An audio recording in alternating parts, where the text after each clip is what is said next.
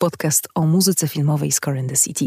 A to będzie nieduży odcinek jesienny, który zainspirowała taka oto sytuacja. Kilka dni temu wieczorem mój przyjaciel napisał z trudnym pytaniem, jaki dziś film ma obejrzeć.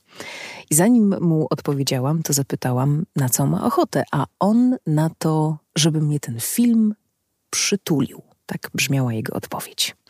Są takie filmy, ale pomyślałam sobie, że sporo też jest otulającej muzyki filmowej, którą w te listopadowe mroki chciałabym Wam polecić.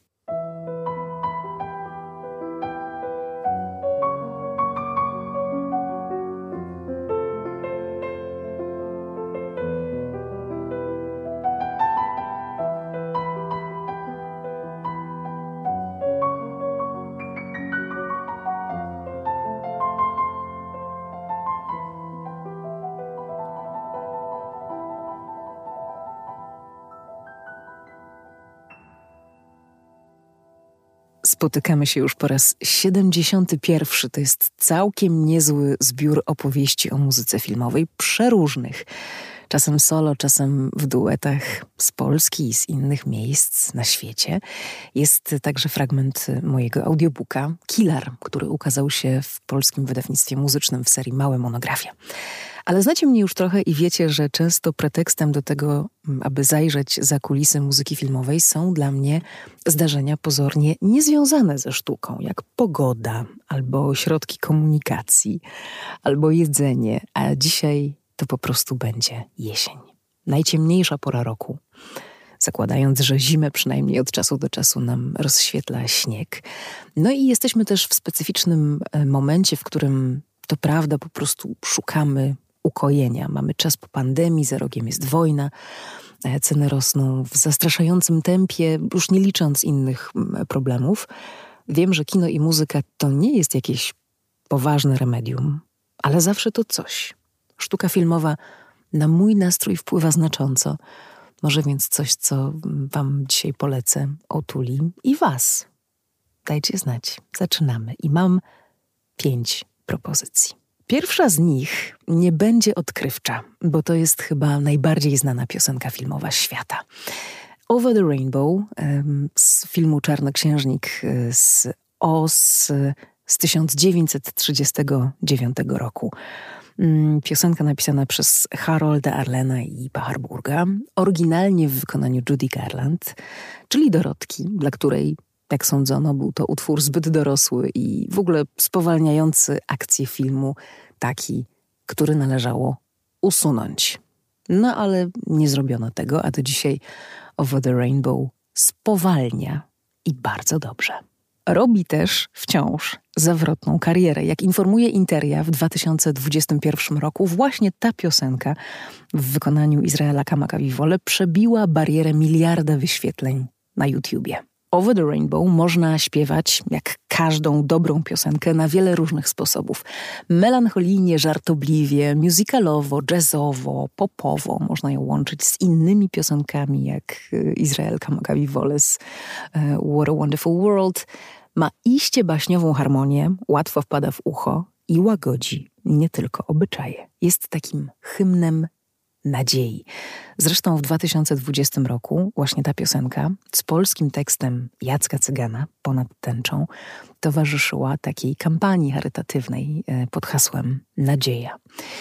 I jest to piosenka nieustannie od ponad 80 lat nagrywana. Do moich ulubionych wersji należy na przykład wykonanie Melody Gardot, która co ciekawe rezygnuje ze słynnego skoku o oktawę na samym początku. Ja wam kiedyś opowiadałam, że ten skok o oktawę na początku to jest nie bez znaczenia, bo on sprawia, że skaczemy za tęczę. Ella Fitzgerald śpiewa Over the Rainbow w rozszerzonej wersji z tekstem, który nie pojawia się w całości w filmie. No a kiedy gra to Kit Jarrett, no to wydaje się, że, że to jest jak taki nieodkryty Bach przepiękna instrumentalna wersja koncertowa z 1996 roku.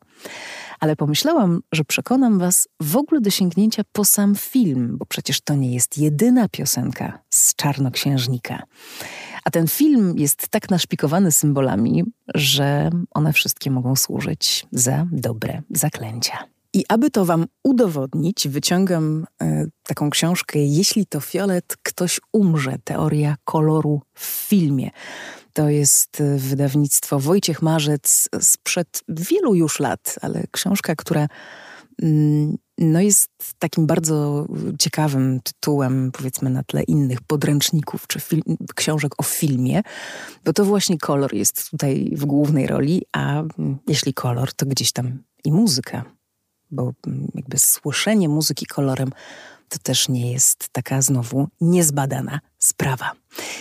Tylko pomyśl, Zielona, brukowana droga, rubinowe miasto i żółte buty. Nic tu nie pasuje. I nie dlatego, że film jest częścią kulturowego dziedzictwa i odpowiednio żółta droga, szmaragdowe miasto i rubinowo-czerwone buty na trwale wryły się już w naszej świadomości. Po prostu te trzy kolory wysyłają w filmie umowne sygnały w ściśle określonym celu.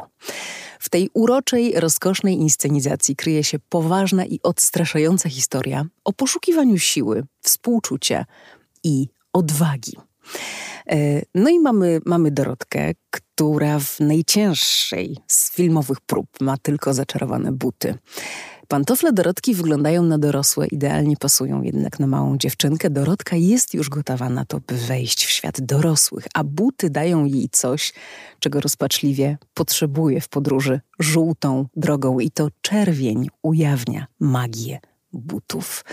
Szczęśliwie czerwone buty wyposażone w potężną moc poprowadzą ją ostrzegawczą żółtą drogą i doprowadzą do celów os. Czerwień to jest ilustracja odwagi dziewczynki. Film, który jest y, trochę czerwony, trochę żółty, trochę zielony. Film, który tak mocno jak jest kolorowy, tak bardzo jest też y, znaczący muzycznie. Film, po którym możecie nucić Over the Rainbow, ale może byłoby jeszcze lepiej, gdybyście w podskokach y, zanucili We're off to see the wizard, the wizard of Oz. Może tak właśnie. No i ten, y, ten pierwszy punkt, tę pierwszą muzyczną polecajkę otulającą zakończę właśnie fragmentem polskiego tekstu Jacka Cygana do piosenki Ponad tęczą. Któregoś dnia sen spełni się, nie będzie chmur, obejmie mnie sam błękit. No to skoro już przy terapii kolorem jesteśmy, dzisiaj y, same pozytywne skojarzenia, mm, skojarzenia z kolorem żółtym, no dobrze, to co książka Jeśli to fiolet ktoś umrze?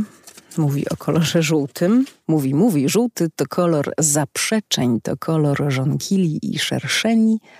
Twój pierwszy trop lub ostrzeżenie. Żółty to również kolor, który kojarzymy ze słońcem, potężną, życiodajną energią, radością życia w ogóle. Kiedykolwiek i gdziekolwiek go spotkasz, intensywna żółta barwa potrafi zawładnąć sceną, zawsze zabiegając o uwagę. Filmy z żółtym, proszę bardzo, afera Tomasza Crowna, utalentowany pan Ripley, ale to są takie filmy z żółtym ostrzegającym. A ja chcę mówić o filmie żółtym otulającym i tego filmu w tej książce nie ma. A to jest film Bagdad Cafe z 1987 roku. Jeden z najbardziej żółtych filmów wszechczasów. Żółty jak e, słońce, żółty jak piasek pustyni i żółty jak e, uśmiech. Jeśli wierzyć kompozytorowi, to pierwszy raz w życiu pisał piosenkę filmową, w dodatku w trudnych warunkach. Może dlatego Calling You to właśnie Calling You, bo Bob Telson, który napisał i muzykę, i słowa, rozstawał się wtedy z ukochaną, która była od niego oddalona o tysiące kilometrów, więc dzwonili do siebie, próbując ustalić no jakieś ostatnie, ostateczne, wiadomo, rzeczy. Mm. Ze związkiem nie wypaliło, ale z piosenką i owszem. Z piosenką również e, inspirowaną mm, Bachem. Ten Bach już się dzisiaj pojawił. A sam film Persiego Adlona faktycznie może być receptą na poprawę nastroju. Jest też bajką dla dorosłych w której akcja dzieje się in the middle of nowhere, pośrodku niczego, z tak niezwykłym zestawem bohaterów, że to niemożliwe prawie, aby nawet w filmowym scenariuszu spotkali się w jednym miejscu. W życiu tak, ale w scenariuszu a jednak, twórcy do dzisiaj otrzymują listy od widzów, że Bagdad Cafe sprawił, że zechcieli coś zmienić e, w swoim życiu, albo że po prostu ten żółty film bardzo mocno przytulił ich piaskiem i słońcem, gdy tego naprawdę potrzebowali. Polecajka numer trzy. Mm, I to będzie film Thelma i Louise z 1991 roku, a właściwie jeden utwór z tej brzmiącej piosenkami e, ścieżki Thunderbird. Nie jest to pierwsze, ale jedno z ważniejszych spotkań Hansa Zimmera i Ridleya Scotta, zanim jeszcze przyszedł Gladiator, swoją drogą też żółty film, yy, czy pomarańczowy, może tak, również w muzyce to, to słychać, ale, ale nie o tym. No chyba, że chcecie się rozgrzać brzmieniem tego niesamowitego instrumentu, jakim jest mm, duduk, ormiański klarnet. Mm, więc zanim przyszedł gladiator i helikopter w ogniu, to mm, pojawiły się właśnie Telma i Louis i film o no tak, no film może, mo, może nie przytulający na pierwszy rzut oka i ucha, ale jest to film o ucieczce od problemów, zatem w tym sensie jak najbardziej. Kiedy scenarzystka Kali Curry odbierała Oscara, powiedziała wszystkim, którzy chcieli zobaczyć szczęśliwe zakończenie tej historii, mogę teraz powiedzieć oto ono. Ale Oscar to nie wszystko. Jest jeszcze mm, popularność mm, tego utworu. A co takiego magicznego jest w tym długim, snującym się, ale jednocześnie energetycznym e, temacie, czy psuicie właściwie Thunderbird? Klimat i gitara.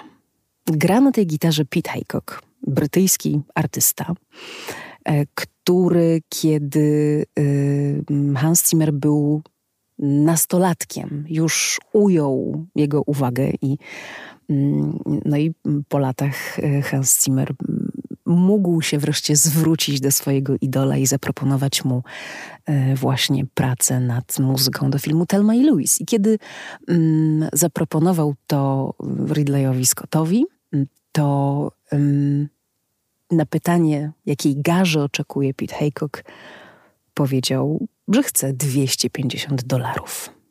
No i anegdota mówi, że na to się kompletnie nie zgodził Ridley Scott i powiedział: No, musimy mu zapłacić porządnie.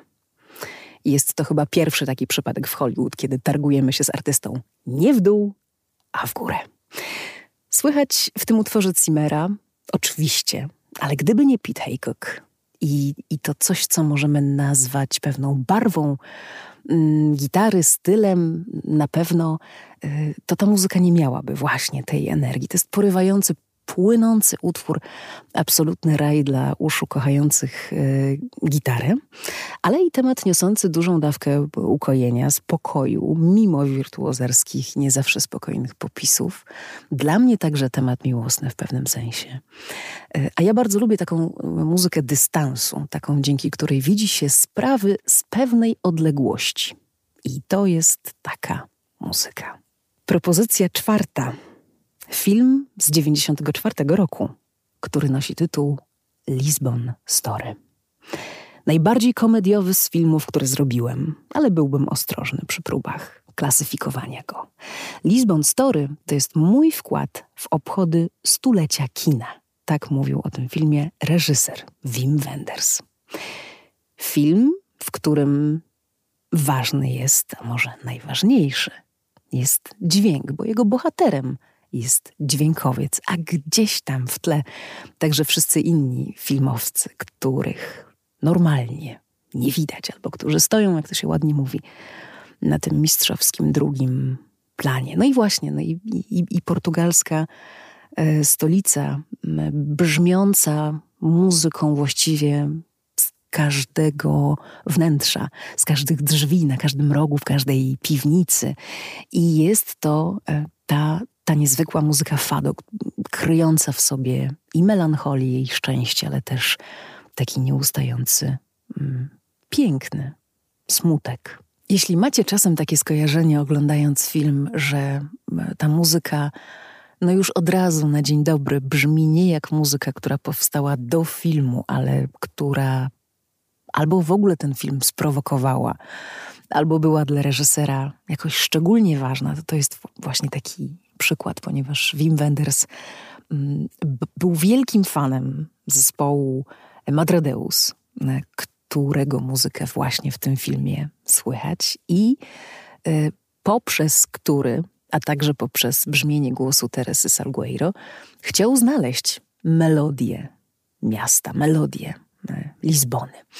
Najsłynniejszy utwór tej, tej ścieżki, gitarra, jest uzależniający, motoryczny, rozpędzający się, tak nas trzyma w gotowości, w oczekiwaniu, zanim się odezwie głos mm, wokalistki. Głos y, świeży, ale też niesłychanie ciepły, głos, z którym się chce zaśpiewać.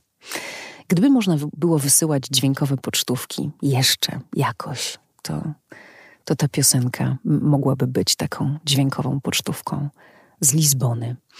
Dla mnie muzycznie Lisbon Story piękny film do polecenia e, w całości, także z obrazem. Tak, oczywiście ja tutaj się rozpływam nad muzyką, ale wszystkie te, te filmy też was otulą. Nawet jak was trochę wkurzą, to potem was otulą. Lisbon Story jest dla mnie też synonimem życiowego optymizmu. Nie wiem, czy opowiadałam już tę historię, ale e, to była ukochana muzyka filmowa mojego przyjaciela Jacka, mm, świetnego operatora filmowego, nieżyjącego już dzisiaj, którego poznałam w pociągu, e, w pociągu z Gdyni do Krakowa, kiedy się przesiadał z przedziału do przedziału, z przedziału do przedziału po to, aby poznać nowych ludzi w każdym z tych przedziałów. I na chwilę przed Krakowem dosiadł się do mnie. A na koniec, na koniec zdradzę wam, czego słucham, jak mi jest naprawdę źle. Naprawdę zimno i naprawdę chmurno. I tutaj nawet ciężko jest mi wymienić jeden utwór, jeden film, jednego wokalistę albo jedną wokalistkę, jednego kompozytora, bo to jest właściwie cały zestaw, cały klimacik, coś, co łatwo wyszukać w sieci i coś, co po prostu trzeba włączyć i z tym zostać. I tam się będą działy mm, różne cuda. I określiłabym to zjawisko po prostu latami czterdziestymi, muzyką lat czterdziestych, piosenkami lat czterdziestych, które według mnie mają jakąś taką wyjątkową siłę pogody ducha. Dużo bardziej niż na przykład lata 60. dla mnie, e, inaczej niż lata 30. E, na pewno też inaczej niż, niż późniejsze lata 70., także ważne dla piosenki. Zatem lata 40. to jest dla mnie po prostu mieszanka, jakbym dostała, nie wiem, zamknięty w jakimś słoiczku Y, zapach, taki zapach, jaki, jaki lubię dla każdego, to może być inny, nie wiem, może cynamon, wanilia. To może być zapach czegoś, co y, się na słodko w piekarniku piecze. To jest, y, to jest blask i zapach świec. To jest cały towarzyski harmider, który możemy osiągnąć w domu, kiedy przychodzą do nas ludzie. Albo wręcz przeciwnie to może też być wieczór solo pod kocem. Piosenki lat czterdziestych są piosenkami błogości, spokoju i nastroju. Wiele z tych piosenek jest w nieidealnym stanie audio i to tylko dodaje im uroku. Wiem, co w tym momencie powiedzieliby audiofile, że jestem okropna, że mówię jakieś straszne rzeczy, ale ja te wady tych nagrań traktuję jak zmarszczki i nawet nie chcę, żeby tę muzykę czyszczono. Jak ją znaleźć? Banalnie. Wpiszcie w wyszukiwarkę Spotify, wpiszcie w Google piosenki, songs lata 40 albo 40s, 4, 0 i S na końcu i zobaczcie, co wam wyskoczy. Jeśli gdzieś tam wyskoczy wam Ella Fitzgerald, Frank Sinatra, Judy Garland, bardzo proszę, ale mogą też być nazwiska mniej znane. zapewniam Was, bo takie były czasy, że większość tych piosenek to są piosenki filmowe, tylko może no, akurat niekoniecznie o tym wiemy. Można sobie je odkrywać, można słuchać pojedynczo, a można też się po prostu dać przenieść do tego świata i się w pewnym momencie przestaje rozróżniać, jaka to piosenka, nawet czy ona jest wesoła, czy smutna. Mm, taką atmosferę tworzą muzycznie lata 40. No i tak można słuchać i słuchać aż do White Christmas, która to piosenka przecież też jest piosenką filmową z 1942 roku. Bardzo dziękuję, że byliście ze mną w tym odcinku. Jeśli się Wam spodobał, to dajcie znać subskrypcją, polubieniem, puszczeniem podcastu dalej do kogoś, kto jeszcze go nie zna, gwiazdkami na Spotify'u, no właśnie a propos, gwiazdkami. Albo postawcie mi wirtualną kawę z mleczną pianką, na której może być taki jakiś jesienny e, liść. To, to, to żart, a, mm, a link do Buy Coffee tu jak zawsze w notatkach do odcinka. A muzyki filmowej, która przytula, słuchajcie na zdrowie. I jeszcze jedna rzecz. E, niedawno zupełnie przypadkiem usłyszałam podczas takiego performance'u, który angażował e, publiczność w teatrze tańca współczesnego, że jesteśmy w, w tym momencie w, w bardzo szczególnym mm, takim czasie pomiędzy zaćmieniem słońca, pomiędzy zaćmieniem księżyca i, i pełnią, i, i wchodzimy w mrok. Wchodzimy w, w mrok e, tej pory roku. Wiadomo, trzeba odpocząć. I dawno, dawno, dawno, dawno, dawno temu Słowianie mieli dwie rady na ten czas. Pierwsza z nich to, aby nie krzyczeć, i druga z nich, żeby nie wstawać gwałtownie. Do usłyszenia.